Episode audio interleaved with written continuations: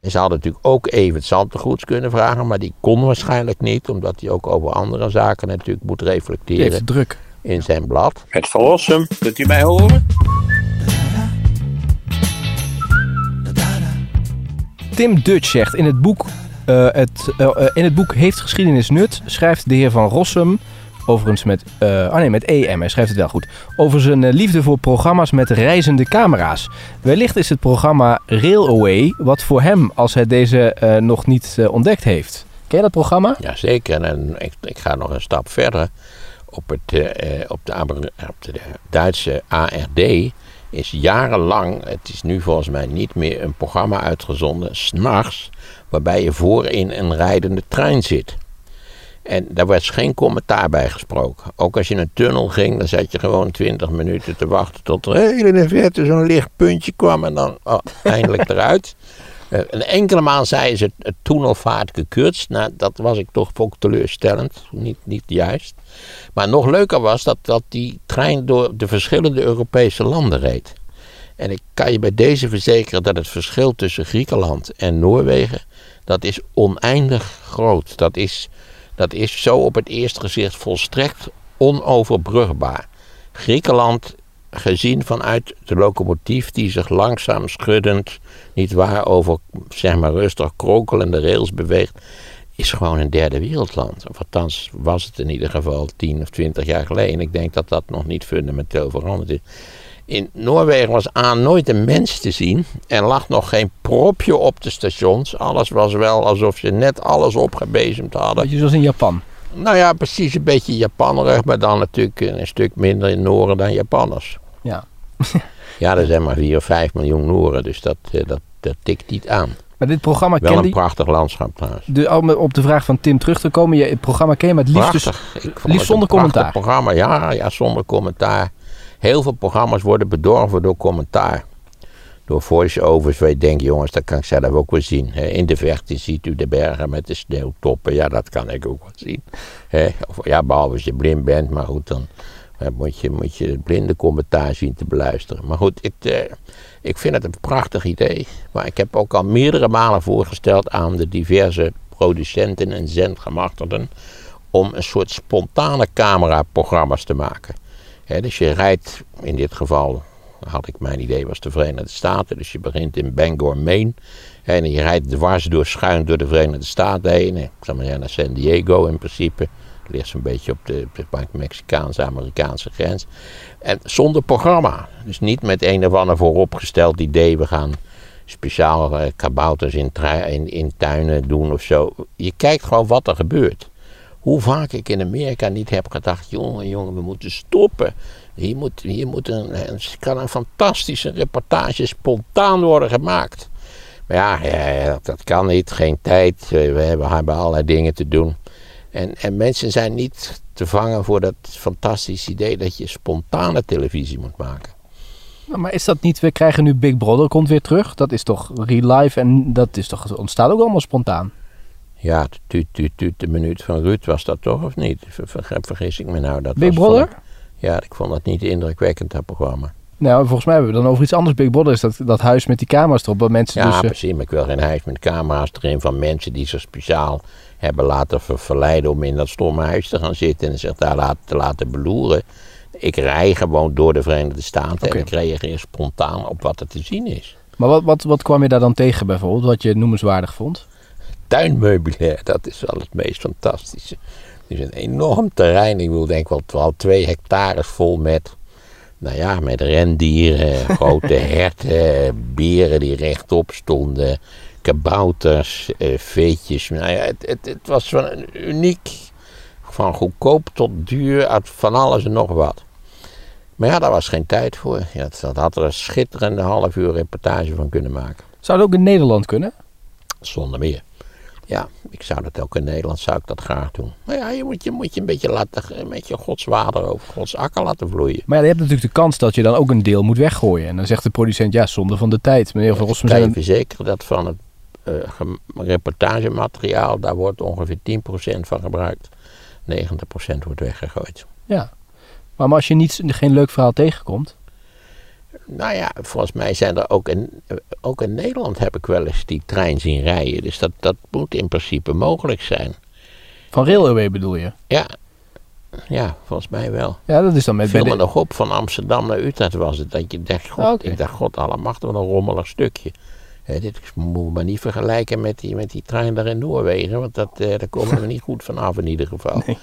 Eh, ja, ik zou heel graag spontaan tv maken. TV is vaak eh, overgeproduceerd. Hè, denk de bekende talkshow. U, je wordt gebeld. Voor woensdag doen we dit of dat. Zou u kunnen? Nou, jij kunt. Nou, kun- kunnen we nog bellen voor een voorgesprek? Ja, dan wordt een voorgesprek gevoerd, duurt een uur. Vervolgens moet je op een ontiegelijk vroeg tijdstip daar in die studio zijn. Ze zijn altijd bang dat de taxi een lekker band krijgt, wat me nog nooit is overkomen. En dan eh, komt er weer een meneer en zegt kunnen we nog even, kunnen we nog even alles doornemen? En dan volgt er nog een voorgesprek van een half uurtje. Dus ondertussen heb je al anderhalf uur volgeluld over wat je in tien minuten zou moeten gaan zeggen. Met gevolg dat je een beetje leeg bent en dat je ook in je hoofd zo'n hebt van, nou ja, dat heb ik al gezegd, dat kan ik niet nog een keer zeggen. Ja.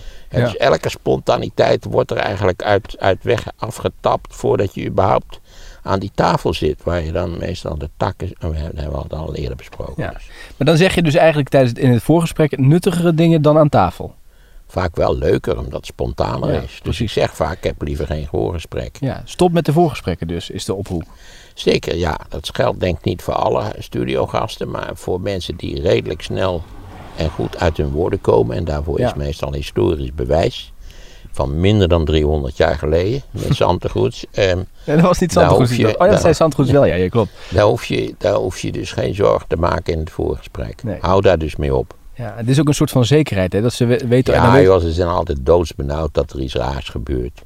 Dat je spontaan gaat zingen of zo. Of opstaat en een plas in de hoek van de studio doet, weet ik veel. Nou, dat willen ze graag, toch? Ja, Want dan hebben ze leuke tv. Ja, tv-momentjes, ja. Ja, maar dus toch... bij reportages willen ze ook altijd dat je nog een frietje eet. En, en dat, je, dat je een gekke bekken trekt op een bankje. Nou ja, Ja. Meer, tv dat is, heeft hele rare gewoontes gewoon. ja, meer spontane televisie dus. ja. En eh, geen voorgesprekken meer. Maar het zijn natuurlijk Nee. redacteuren die, die moeten natuurlijk weer terugkoppelen aan een Ja, eindredacteur. nee, ik begrijp het wel. Ik begrijp het allemaal best. Maar die, ook, ook die, die gespreksleiders, zou ik maar zeggen, die presentatoren, die kunnen ook best wat spontaner en losser zijn. Hè? Kijk eens even niet op je lullige kaartje. Maar stel zomaar een vraag die in je opkomt. Ja, maar ja, dus als je natuurlijk over heel veel onderwerpen moet meepraten, is dat nog soms best Oh, wel dat lastig. valt wel mee. Wij lullen toch ook over van alles en nog wat. Ja, dat klopt. Maar dat, ja. En Nee, we dat- kennen mensen die er helemaal geen verstand van hebben. En die er zelfs een heel blad mee volschrijven. Even het zantegoed. Het is eigenlijk heel knap wat hij doet. Geniaal. Even kijken, ik had nog een, een eh, even kijken, wat hadden we nog voor vraag? Dit was Railway, oh ja, even kijken. Sten Dijk, die zegt, eh, ik heb nog een vraag voor meneer Van Rossum. Ik ben zoals elk jaar weer langs de deuren gegaan om mensen in staat te stellen om een fooi te geven op anderhalve meter. Dat zijn dus ouderen, maar die zijn er vaak niet zo blij mee als ik om een fooi vraag. Mijn vraag aan meneer Van Rossum, geeft u ook fooi aan de krantenbezorger? Ja, En wat vindt u van het fooi vragen? En is dit überhaupt wel een traditie in de steden? Nou ja, bij ons is het wel traditie. Dus de bezorger van de, van de NRC, om er nou weer even op terug te komen, ik kom alsmaar over die NRC te spreken. Ja, die, die kwam aan de deur. Toen hadden wij overigens alleen grote coupures. Toen is hij de volgende dag gekomen, als ik het goed heb. heb. En toen heeft mijn vrouw hem eh, een kleinere coupure overreikt. Ik weet, niet, ik, ik durf niet, ik weet niet precies wat mijn vrouw gegeven heeft. Het zal of minimaal 10 of 20. Ja, Eén precies. van de twee. Oké, dus je geeft wel fooi. Ja, zeker doen Ja. we dat. Want het is heel belangrijk dat dat ding een beetje op tijd in de bus gegooid wordt. Ja, ja. En En even, niet kletsnat is of zo. ja. En, of en, onder de hondenstront zit. ja, dus je vindt het belangrijk en eh, je vindt het ook geen probleem dat het nu in de coronatijd nog gebeurt. Want dat wil Nee, want ook die jongen bleef keurig op afstand. Ja. Ja. Het idee dat je onmiddellijk besmet raakt is ook vrij eigenaardig. Ben jij ook gewaarschuwd voor de eh, bezorgers van eh, PostNL dat daar dus ook boeven tussen kunnen zitten? Ja, ja, althans, niet, niet, ik ben niet persoonlijk gewaarschuwd. Maar ik heb wel eens gelezen dat er ook wel wat oplichterij is in deze branche. Ja. ja. Want je bestelt af en toe ook wel eens, die agenda heb je toen besteld op Ja, internet? zeker. Nou, die kwam keurig de volgende dag. Ja, maar die kan door de brievenbus eventueel. Of zit die dan wel in een, in Nee, een die doosje? komt gewoon door de brievenbus. Ja, exact. Ja. Heel veel boeken kun je beter als enkel boek bestellen, want dan komt door de brievenbus. Dat is dan ook Dan totaal niet ja. meer aan de orde of je thuis bent, ja of Ja. nee. En wat bestel je nog meer online? Nou, vooral boeken dus. Kleding? Nee, nooit. Hey, wacht even, ik heb dan nu, die schoenen die ik nu aan heb, heb ik online besteld. Maar dat was meer uit een soort wanhoop dat ik... Ik heb gewoon eens iets geprobeerd waar ik dacht... Ik, ik, ik heb gevoelige voeten. Daar wil ik verder niet over uitweiden, maar zo is het ongelukkigerwijs. En deze hadden hele dikke zolen. Ik denk, dit is wat. En wonder boven wonder zeg.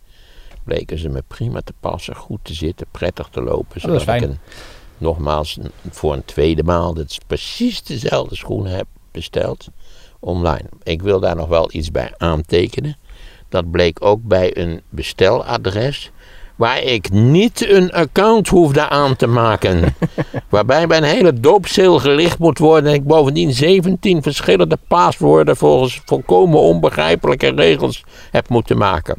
Hoe, waarom is dat in godsnaam? Ja, ik kan me daar enorm Ah. over opwinden. Marketing, dan kunnen ze je daarna benaderen. Ja, precies, hebben- maar dat wil ik helemaal niet. Ze moeten allemaal een zolen. mogelijkheid hebben dat je gewoon je betaalt en dan krijg je je spullen.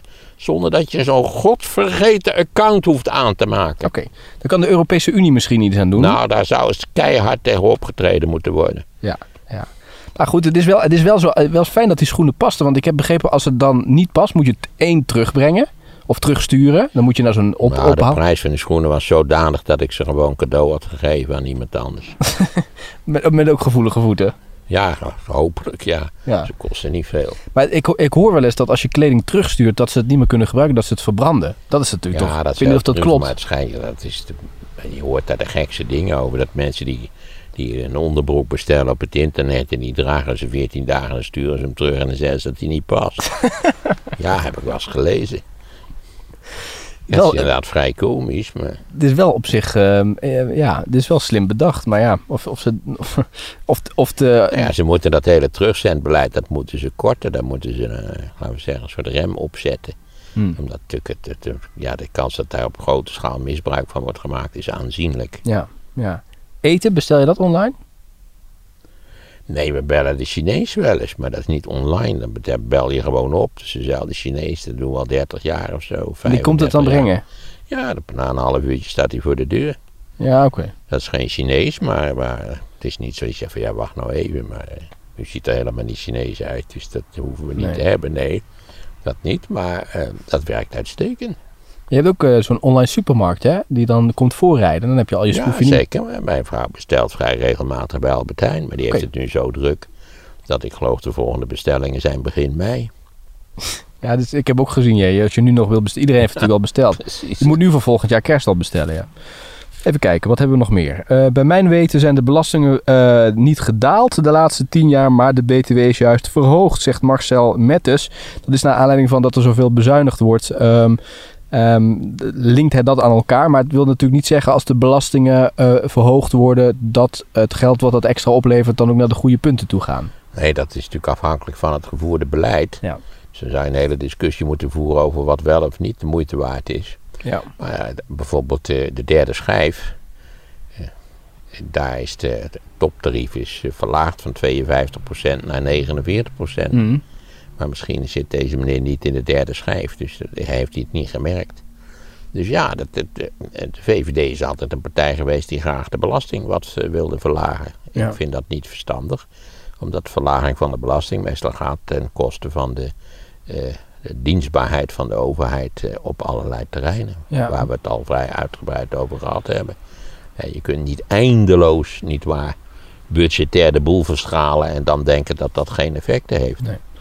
We hebben dan de Conradus Johannes Hendricks. Die Zo. zegt, eh, meneer Ernst Kuipers van het eh, ziekenhuis in Rotterdam en ook eh Diederik Gommers, die zeggen dat ze het razend druk hebben met de IC's, maar ze zijn wel iedere avond laat op tv om de mensen nog banger te maken. Hoe kijkt Van Rossum daarnaar? Ja, ik moet je zeggen dat wat deze meneer met een zekere verbazing constateert, dat ik dat gisteren, omdat ik ze daar zag zitten, mijn vrouw kijkt naar die programma's, ik niet, dus ik zie het alleen als ik een kop koffie kom halen beneden. Maar daar dacht ik ook even van, als je het nou zo ongelooflijk druk hebt en als het zo spannend is op die IC's en zo, eh, waar zit je dan een uur daar bij zo'n programma? Want als je daar wil zitten, betekent het dus ook dat je een voorgesprek hebt gevoerd, dat je aangevoerd bent per taxi, dat je weer per taxi terug moet. Dus je moet in totaal toch zeker om daar een uurtje te zitten, daar ben je toch zeker 3,5 uur minimaal aan kwijt. Dus kennelijk hebben ze hele goede plaatsvervangers. Of hebben ze, zij kunnen ze geweldig delegeren. Ik weet het ook niet precies. Ja, maar ik kan me wel Zij voor... zeggen natuurlijk van ja, het is nuttig dat mensen die er enig verstand van hebben, niet waar de bevolking voorlichten. Nou ja, wie weet. Ja, ik blijf het vrij eigenaardig vinden dat wij het laatste Europese land zijn wat vaccineert, maar oké. Nou, die meneer Gommers die is toch ook wel ook kritisch Ja, op de Gommers regering. zei gisteren, die hoorde ik in die paar minuten dat ik stond te kijken, hoorde ik Gommers zeggen, nou ik zou ook veel eerder begonnen zijn met vaccineren. Ik dacht, hup, Gummer, Gommers, je hebt groot gelijk. Ja, maar Hij die zit in het hij- OMT. Hij, maakte geen kritische opmerkingen verder. Nee. Maar hij zei wel dat hij zou vinden dat het eerder had Ja. moeten beginnen. Ja. Maar hij wil natuurlijk ook die mensen waarmee hij ook de hele week moet vergaderen. Want vergeet niet dat die Gommers en die Kuipers, dat zijn vooral natuurlijk vergaderaars op hoog niveau. Dus die staan niet, neem ik aan, eh, zelf eh, voortdurend te kijken hoe het op de IC gaat. Ja, Gommers wel volgens mij hoor. Die nou, is wel... dat zou kunnen. Oké, dat, weet- dat weet ik niet, daar durf ik me niet over uit te spreken. Nee. Maar op zichzelf is wat die man was opgevallen, namelijk dat het verdomd veel tijd kost om daar avond in avond uit te zitten. Daar, heeft hij wel een beetje gelijk in. Ja, die Ernst maar ik, nogmaals, ik denk dat je het kunt verantwoorden door te zeggen, dan heb je tenminste mensen die er verstand van hebben. Ja. En ze hadden natuurlijk ook even het Zantegoeds kunnen vragen, maar die kon waarschijnlijk niet, omdat hij ook over andere zaken natuurlijk moet reflecteren druk. in Ja. zijn blad. Dus ze hebben dan Gommers en ja, bij gebrek aan beter hebben ze Gommers en Kuipers gevraagd. Ja. Zit die eh eh, Zandgoeds ook in het OMT? Dat zou me niet verbazen. Ik denk dat hij eigenlijk in het diepste geheim de voorzitter is van het OMT.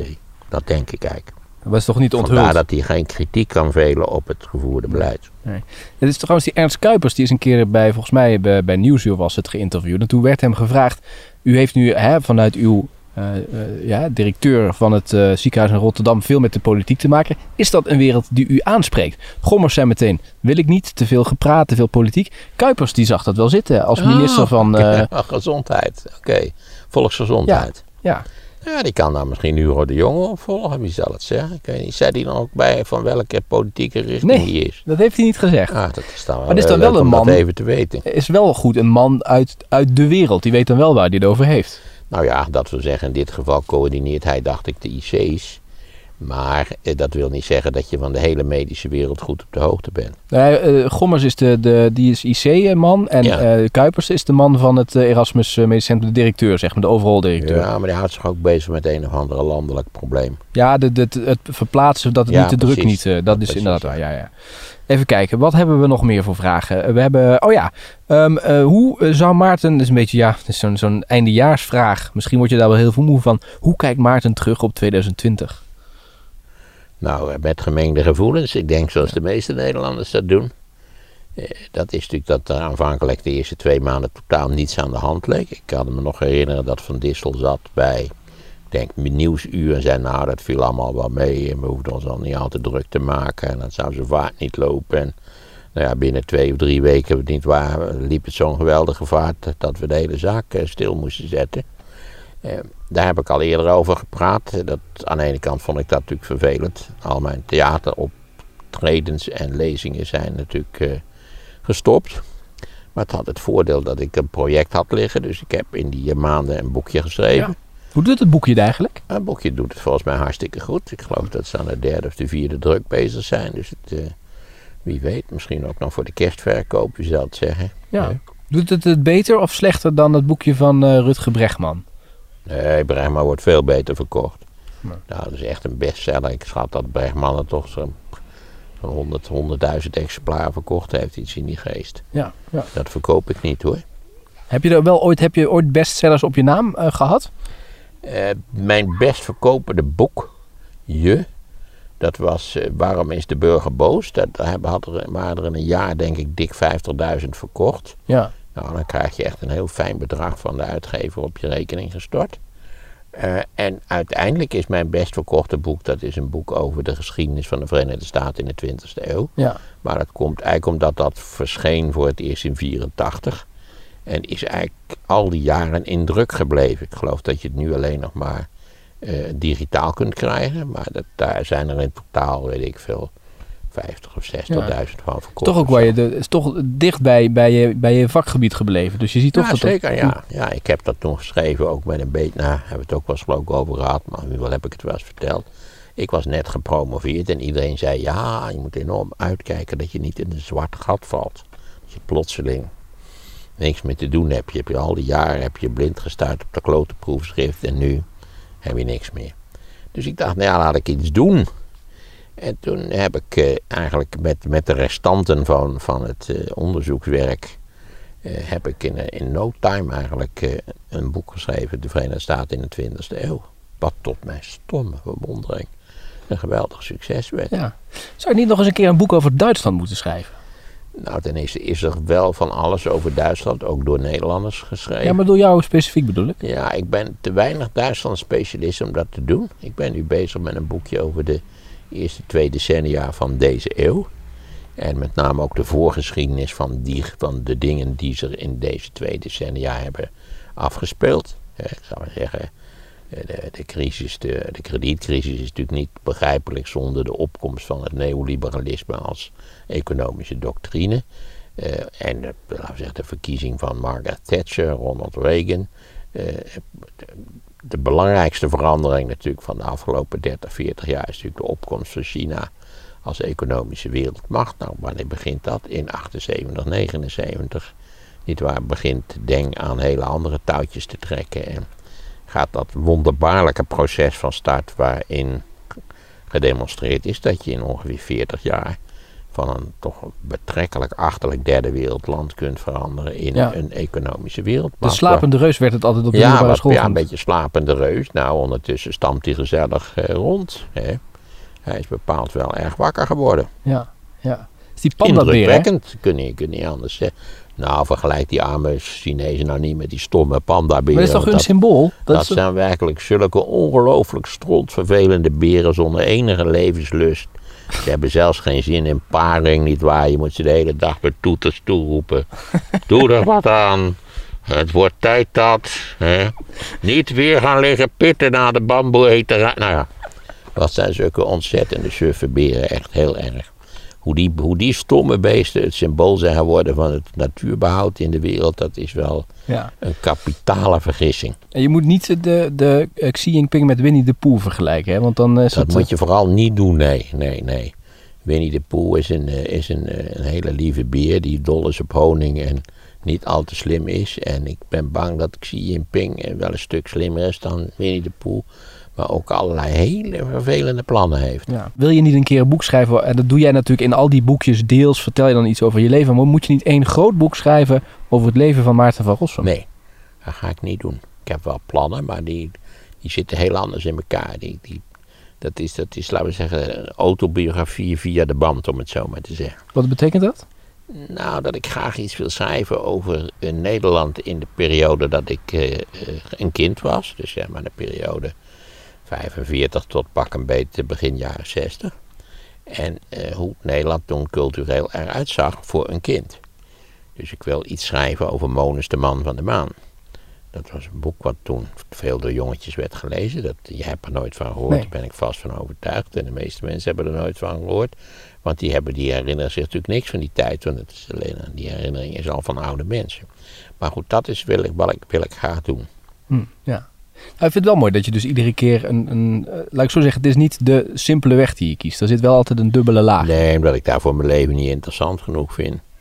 Ja, ik kan wel over mijn eerste liefde schrijven, maar dat is zo totaal oninteressant. Dat ga Ja. ik niet doen. Ja. Ik was namelijk zo verlegen dat ik nooit bekend heb gemaakt aan de betrokkenen dat zij mijn liefde was, mijn eerste liefde. Dus ja, ships that pass in the night. Dus, maar daar ga ik niet over zitten zeiken. Bovendien ben ik geen literaire schrijver. Nee.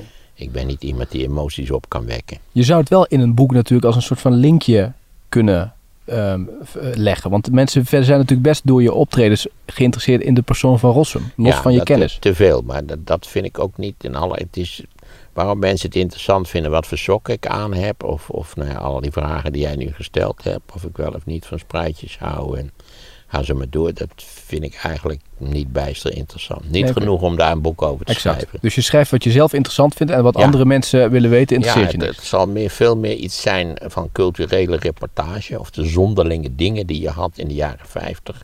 Dat je met je moeder naar de markt gaat en daar was een stalletje van een meneer die verkocht hele grote, dikke, gele ballpoints. Ja.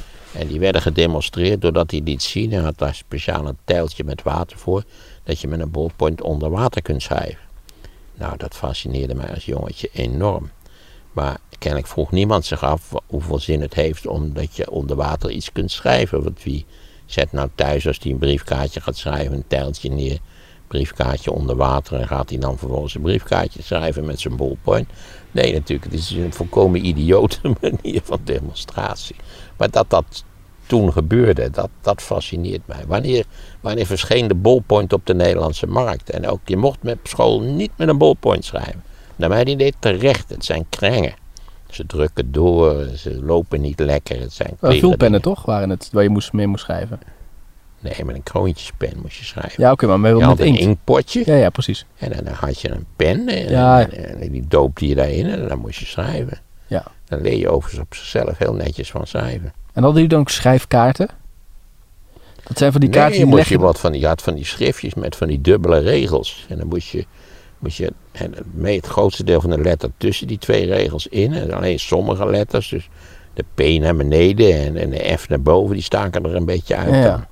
En als je dan netjes geschreven had, kreeg je een stempeltje van de juf. En die stempeltjes waren al olifanten of giraffen of zo. Ja, ja. Dat soort van dingen. En uh, schreef, Kijk, je, over die stempeltjes zou ik misschien wel eens iets willen schrijven. ja. schreef je dan aan elkaar of blokletters? Eh, ik heb aan elkaar leren schrijven. Ik schrijf nog aan elkaar. Ik kan ook zeggen. Dan vraag, nou ja, dit is wel een hele interessante vraag. Ik denk wel dat ik iets zou opnemen over hoe het is om te leren lezen en wat we toen lazen. Ik herinner me bijvoorbeeld Goudhaartje, Ot en Sien. Eh, nou ja, dat waren allemaal van die boekjes die je dan met van die streepjes tussen de lettergrepen. Ja, exact. Ja, ja, ja. ja. Dat, ik kan me nog herinneren van die schrijfkaarten die hadden onder, die gaven de richting aan. Dat, je, dat die letters allemaal mooi in dezelfde richting stonden. Ja, maar dat moest wel. Niet, niet eh, andere kant op Nee, nee, of zo. Precies. hey, ehm, eh, ik nog één dingetje. Angela de Jong, die ken je denk ik wel, hè? Die ken ik wel, ja zeker. Want die heeft de slimste mens gewonnen. Twee jaar geleden. Oh, heeft hij ook de slimste mensen? Oh, dat zijn toch... Zeker. Zij was de eerste vrouw die won. Oké, en we hebben ook... we eh, dolgelukkig mee, joh. Klaas Dijkhoff heeft ook gewonnen. Ja. Eh, Sander Schimmelpenninck heeft een keer gewonnen, kan ik me herinneren. Ik denk nu ja, dat... nota E- bene van de hoofdredacteur van de Telegraaf. Dat was de, dat was de slotfinale. Evert? Nee, niet Oh. Evert. Evert is geen hoofdredacteur. Die is kennelijk hoofdredacteur van het blad Privé. Maar dat, ja, dat heb jij me verteld. Of dat, dat zit, weet ik dus niet. Maar misschien moet je Evert een keer uitnodigen, ook in de slimste, dat hij ook mee kan doen. Dat doet hij zeker niet. Waarom niet? Daar heeft hij geen tijd voor, joh. Oh. Oh. Hij is in het geheim, is die voorzitter van, de, van het, het- hoe heet het, dat OMT. OMT, ja, ja. Eh, maar Angela de Jong die heeft een, eh, een mooie column geschreven. Die zei, het is een verademing, ik, ik vertaal het even vrij hè. Verademing Maarten van Rossum op televisie. Hij zegt waar het op staat. En een van de passages die is schijnbaar daarin dat ehm, eh, dames van 50 plus graag met jou op de foto gaan. Ja, Klopt dat? ja dat, is, dat zat wel wat in. Ze overdrijft het wel wat, het is wat sterk Oh, jij hebt het gelezen ook, het, het stuk? Ja, je weet- toen we dus nog met publiek optraden, maar ja, dat doen we dus nu niet meer. Ja, willen die mensen doorgaan met je op de foto. Dat is waar. Ja. En, ja, mijn, mijn fanbase, ik weet niet precies hoe je dat moet zeggen. Groepjes. Ja, ja dat die, eh, nou, van groepjes zou ik niet willen spreken, want daar denk je toch eh, heel iets anders bij. Die is denk ik wat oudere dames, ja, zeker. Rustige, tevreden tv-kijkers. Ja, hoe verklaar je dat? Geen idee. Ja. Geen idee. Ja. Ik ben altijd verbaasd geweest. eh, Ik, ik vind het veel begrijpelijker dat mensen zich aan me ergeren. dan dat mensen mij leuk of interessant of belangrijk vinden. Ja. Vooral omdat ik mijn leven lang heb ge- geworsteld met het feit dat mensen zich aan mij ergerden. Hm. Hm. En die mij altijd arrogant vonden. Dat vond ik zelf helemaal niet. Ik was een verlegen jongetje, maar ik heb altijd een uitstraling van arrogantie gehad. Wie zei dat Moet ik dan? je zeggen, nou, dat, dat was ook in de familie. Ook mijn ooms vonden mij maar een arrogant ventje. Dat weet ik wel. En spraken ze dat ook uit? Nou, meer, meer door kinderachtige dingen te zeggen. Dan, eh, Zoals? Ja, dat weet ik al lang niet meer. Hoor. Maar dat, dat eerste toch een beetje de sfeer van dat ik een irritant ventje was omdat ik beter kon leren dan Ja. ongelukkigerwijs een hoop andere kinderen. Hey, eh, Maarten, tot slot heb je een, ehm, ja, een kerstwens, eh, misschien voor iedereen, eh, ook voor? Evert. Nee, eigenlijk niet. Ik bedoel, ja, je leest nu verschrikkelijk veel mensen die alleen zitten en dat soort van dingen. Daarvoor zou ik zeggen, lees een leuk boek. maak je niet te druk. hou het kerst, de kerstmaaltijd simpel. Bel eens iemand op. We hebben telefoon, we hebben, hoe heet dat, eh, FaceTime. Ja, je, kunt, je kunt iedereen tevoorschijn toveren, je familie, je kennissen. iedereen heeft Dat wel zo'n kennis dat je Ja. denkt... ik moet toch eens even Jan, Piet of Klaas bellen. Daar heb ik al een half jaar niks van gehoord. Bel even. Misschien kun je de hele avond lekker doorlullen met FaceTime. Ja. Ja. er zijn mensen die gaan nu inderdaad eh, zoomen bij de, de, Ja, de je kunt ook zoomen, mij ook best. Maar Ja. dat schijnt een, een niet erg veilig programma te zijn. Dus pas op dat je geen rare dingen zegt of doet. Dat schijnt inmiddels wel aangepast te zijn, maar ze hebben Oh. nog steeds dat imago, ja, dat het inderdaad... Ja, dat heb ik ergens gelezen. Dat het, eh, Ja, ja. Goed, nou, dankjewel. Geen dank. Je weet, ik doe het graag. Ja, Je lult maar een hand weg. En, eh, hoe laat is het?